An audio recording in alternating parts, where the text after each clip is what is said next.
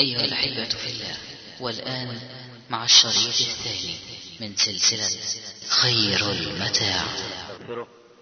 ونعوذ بالله تعالى من شرور أنفسنا وسيئات أعمالنا. من يهدي الله تعالى فلا مضل له ومن يضلل فلا هادي له وأشهد أن لا إله إلا الله وحده لا شريك له وأشهد أن محمدا عبده ورسوله. أما بعد فإن أصدق الحديث كتاب الله تعالى وأحسن الهدي هدي محمد صلى الله عليه وآله وسلم وشر الأمور محدثاتها وكل محدثة بدعة وكل بدعة ضلالة وكل ضلالة في النار. اللهم صل على محمد وعلى آل محمد كما صليت على إبراهيم وعلى آل إبراهيم في العالمين إنك حميد مجيد. وبارك على محمد وعلى آل محمد كما باركت على إبراهيم وعلى آل إبراهيم في العالمين إنك حميد مجيد.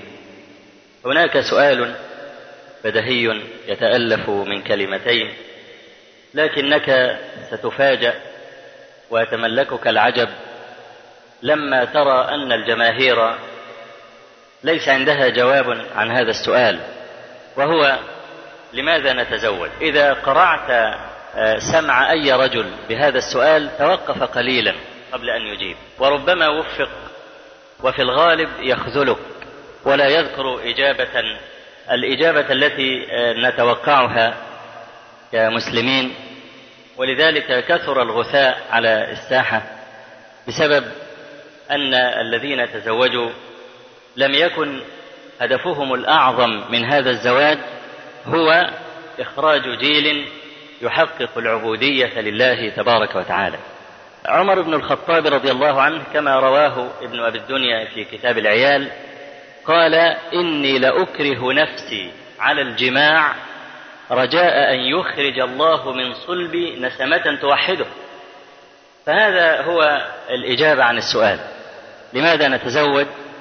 حتى نؤدي الأمانة كل رجل منا بينه وبين الله عقد قال الله عز وجل وإذ أخذ ربك من بني آدم من ظهورهم ذريتهم وأشهدهم على أنفسهم ألست بربكم؟ قالوا بلى شهدنا.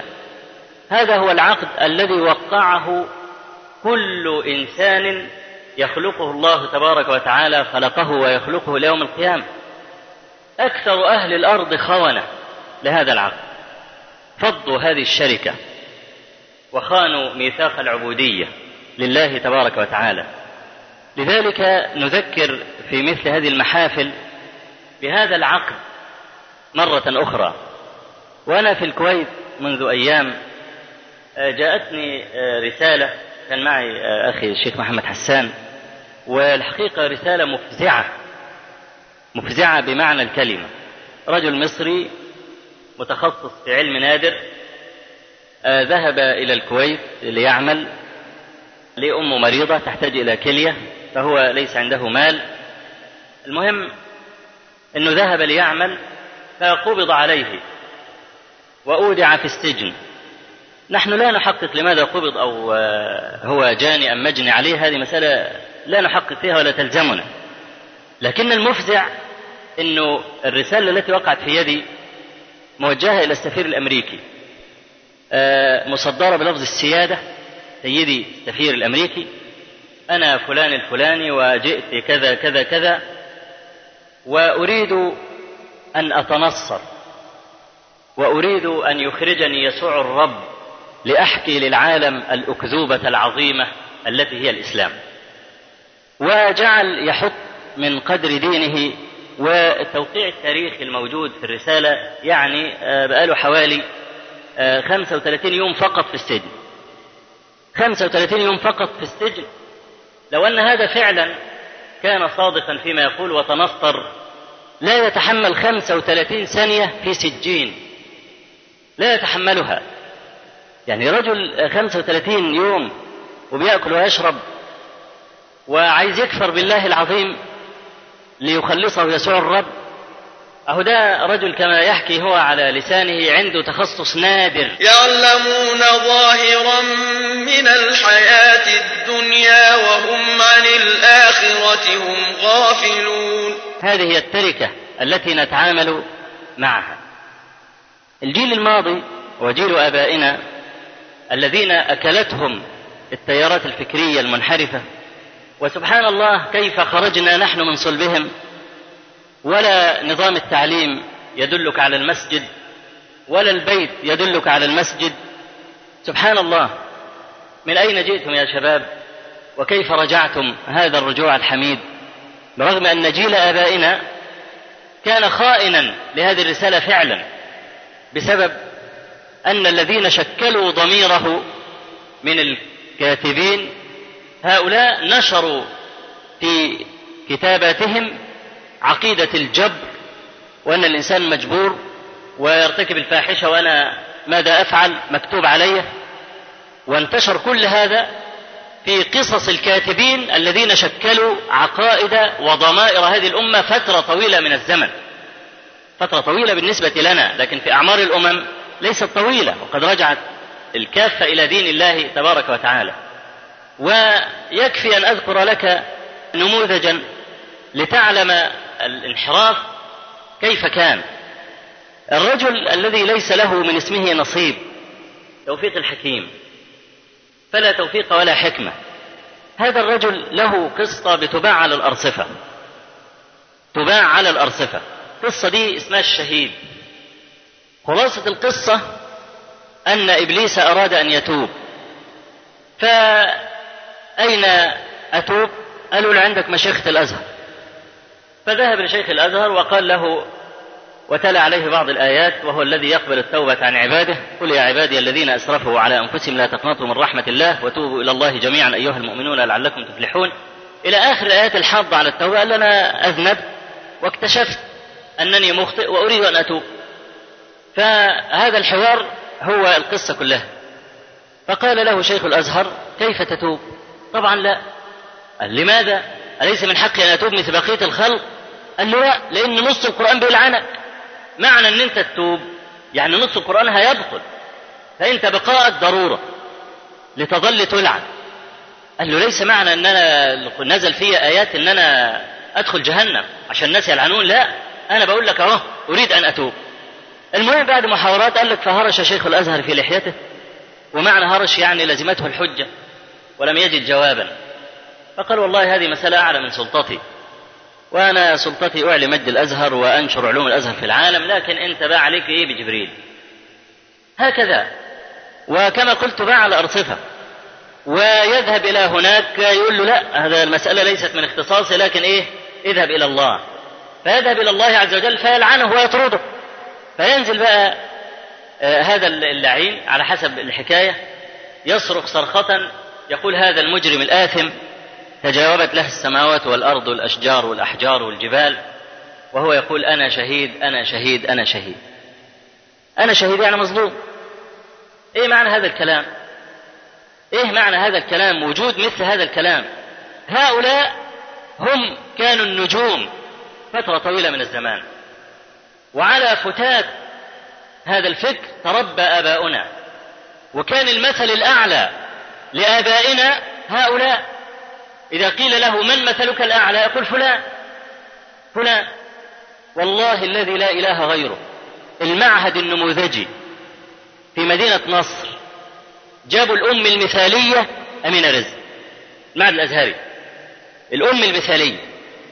فهذا الجيل الجيل المخترق الذي تزوج الناس فيه لا ليكون أولادهم من عباد الرحمن تبارك وتعالى.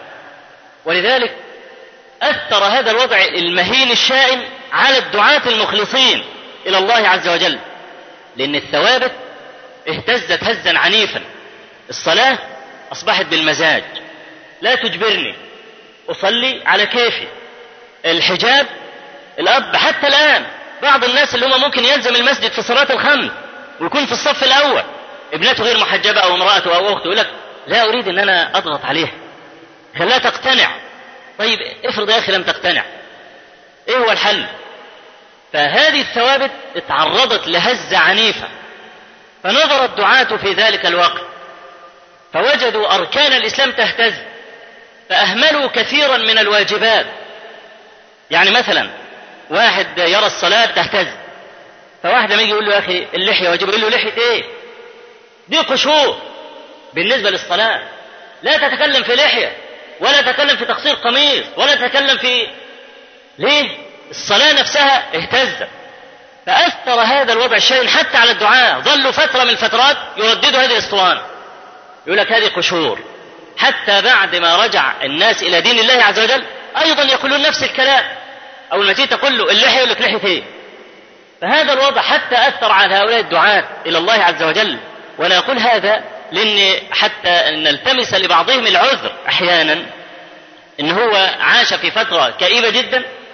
كانت هذه الفترة في غاية السوء بالنسبة لهؤلاء فبدأوا يثبتوا الصلاة. بعد ما كانت من أركان الإسلام صارت حرية شخصية شأنها شأن بقية الأركان. فانشغل هو بتثبيت الركن وترك الواجب. يقول لك ده عند تزاحم الواجبات بنختار أوجب الواجبات. أو عند تزاحم الواجبات والأركان بنختار الأركان على الواجبات يعني نقدم الأقوى على الأضعف عند التزاحم إذا لم نستطع أن نجمع بين كل هذه. فلماذا نتزوج؟ هذه هي قضية العمر. الحياة كلها مبنية على هذا السؤال. جيل التمكين الذي ننشده مبني على حسن الإجابة عن هذا السؤال. ولذلك السورة الوحيدة التي تعرضت لميلاد موسى عليه السلام هي سورة القصص ذكر الله عز وجل فيها التمكين. ونريد أن نمن على الذين استضعفوا في الأرض ونجعلهم أئمة ونجعلهم الوارثين. ونمكن لهم في الأرض ونري فرعون وهامان وجنودهما منهم ما كانوا يحذرون.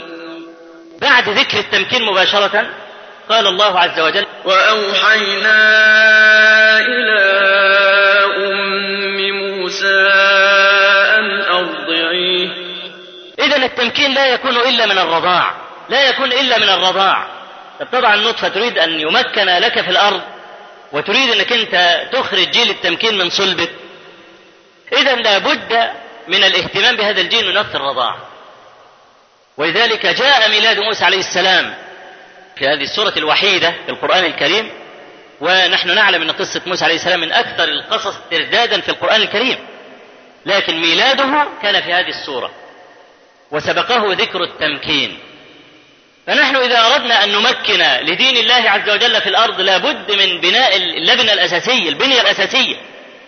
نحسن الجواب عن هذا السؤال. لماذا نتزوج؟ لنخرج من أصلابنا عبيدا لله عز وجل يوحدونه ويكونون أمناء على هذا الدين. لذلك الرسول عليه الصلاة والسلام أمرنا باختيار ذات الدين. من حوالي 15 سنة قرأت قصة لرجل بريالة.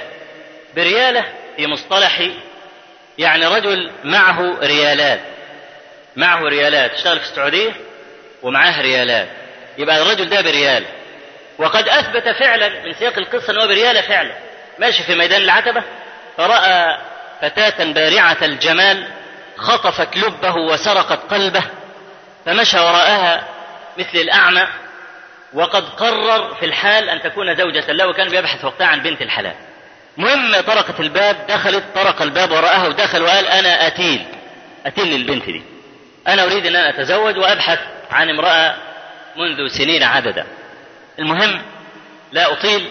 استطاع فعلا أن تزوجها ودفع كل ما جمعه في حياته مهر ومؤخر. والمهم وجد فيها فضيلة. والفضيلة أنها كانت تقلب الراء غينا. بتتكلم فغنصاوي يعني. الراء تقلبها غين. وهي دي اللكنة بتاعتها العادية وبدأت بدأ يعيش معاها في حياته. المهم اكتشف أول ما اكتشف إن هي تشترط عليه إن ملابس والدته لا تغسل في نفس الغسالة مع ملابسها. وده كان الشيء اللي عرضه. المهم وقال وحولت حياتي إلى نكد واستحال سعادتي إلى جحيم فبيسأل الرجل اللي كان بيرد آنذاك على الرسائل ديت ماذا أفعل؟ وبماذا تشير علي؟ أجاب عليه بثلاث كلمات. قال له اهغب بجلدك يا أمور. بس هي دي رد الرسالة البليغ على المحنة دي. خير المتاع. أي معنى للجمال إن غدا سهل المنام حاولوا أن يخدعوني صحت فيهم أن دعوني. سوف أبقى في حصوني لست أرضى بالمجون. لن ينالوا من دمائي إنني رمز النقاء سرت والتقوى ضيائي خلف خير الأنبياء. إن لي نفسا أبية إنها تأمى الدنيا إن دربي يا أخي قدوتي في سمية. والمرأة كما قال النبي عليه الصلاة والسلام إذا رأى أحدكم المرأة تعجبه فليأتي أهله فإن معها مثل الذي معها. بعد أن يقضي الرجل وطره يبقى الدين والخلق. ولذلك الرسول عليه الصلاة والسلام قال فاظفر بذات الدين تربت يداك وتربت يداك ده معناها تعلقت يداك بالتراب يعني بالبركة. ومصطلح تربت يداك ترد بمعنى افتقرت أيضا. لكن السياق كما يقول العلماء من المقيدات فحظه عليه الصلاة والسلام أن يتخير الرجل ذات الدين ليس معناها أن يقول فاظفر بذات الدين افتقرت. لا إنما فاظفر بذات الدين أي تنعمت واغتنيت. هو ده ولذلك مصطلح تربت يداك في في هذا الحديث معناه تعلقت يداك بالبركة. فحض النبي عليه الصلاة والسلام على ذات الدين. لذات الدين امرأة وفية. تطيع زوجها تعبدا تعبدا. ليس لأنه زوجها وأبو أولادها وإن هو بينفق عليها لا. المسألة عندها أرفع بكثير. تطيع زوجها تعبدا. وهذا هو الفرق بين المرأة ذات الدين وبين المرأة التي تطيع زوجها لأنه هو أبو عيالها. توددي للزوج لا تبلدي. كوني له مطيعة ملء الفؤاد واليد أبهريه دائما بفتنة التجدد وأدبي أطفاله فهم رجالة الغد. ولو تجوز سجدة لغير رب أو حدي فالزوج أولى من أمرت تحته أن تسجدي. فلتعرفي حقوقه وأسعديه تسعدي. أسعديه تسعدي. هذا فرق جوهري عظيم من المرأة التي تطيع زوجها لأي اعتبار آخر. فانظر مثلا إلى عائشة رضي الله عنها. في الصحيحين من حديث عائشة رضي الله عنها قالت كان الناس يتحرون بهداياهم ليلة عائشة. فشق ذلك على زوجات النبي عليه الصلاة والسلام وأردنا أن يشتركن معها في الهدايا فأرسلنا إلى النبي عليه الصلاة والسلام أحب الناس إليه وهي فاطمة رضي الله عنها. قالت عائشة فجاءت فاطمة لا تخطئ مشيتها مشية النبي صلى الله عليه وسلم والنبي صلى الله عليه وسلم في لحافي. فلما رآها قال أهلا بابنتي فقالت إن أزواجك يسألنك العدل في ابنة أبي قحافة فقال أي بنيتي أتحبينني؟ قالت أجل قال فأحب هذه. فرجعت وهن مؤتمرات في بيت إحداهن فلما دخلت قالت والله لا أراجعه فيها أبدا. فأرسلنا إليه زينب رضي الله عنها وهي التي كانت تسامي عائشة رضي الله عنها في المنزلة قالت فدخلت زينب والنبي صلى الله عليه وسلم في لحاف فضجعت. يعني قالت كلاما قويا شديدا. هنا محل الشاهد. قالت عائشة رضي الله عنها فنظرت إلى وجه النبي صلى الله عليه وسلم هل يكره أن أنتصر؟ هو ده الوفاء مراعاة شعور الزوج هي ترد تريد أن ترد مظلومة تريد أن ترد لكن قبل أن ترد تنظر إلى وجه زوجها. هل وجهه يسمح؟ أساريره تسمح أن أرد ولا لا؟ أهو اليوم المرأة تعيش مع رجل عشرين سنة. ولا تعرف عنه شيئا. ليه؟ لأنه ليس هو الشغل الشاغل بالنسبة لها. هي المفروض تكون فهمته. تفهم عينيه ينظر للسقف يبقى يريد كذا. مس لحيته يبقى يقصد كذا. بص للأرض يبقى يقصد كذا. هي دي المرأة اللي بتهتم بزوجها اللي هو زوجها حياته تتقرب إلى الله بطاعته والإحسان إليه. حتى الرجل مثلا يكون في شجار مع المرأة يبرأ لها تقول له يعني تقصد إيه؟ بعد عشرين سنة لما بيبرأ لها ما هي ما تعرفش ماذا يقصد ليه؟ جمعتهم الصور فقط فقط. الحديث الآخر حديث برضو أيضا في الصحيحين من حديث أسماء بنت أبي بكر رضي الله عنها قالت تزوجني الزبير بن العوام وما له في الأرض شيء غير ناضح وفرس وأرض أقطعه النبي صلى الله عليه وسلم إياها على بعد ثلث فرسخ من المدينة.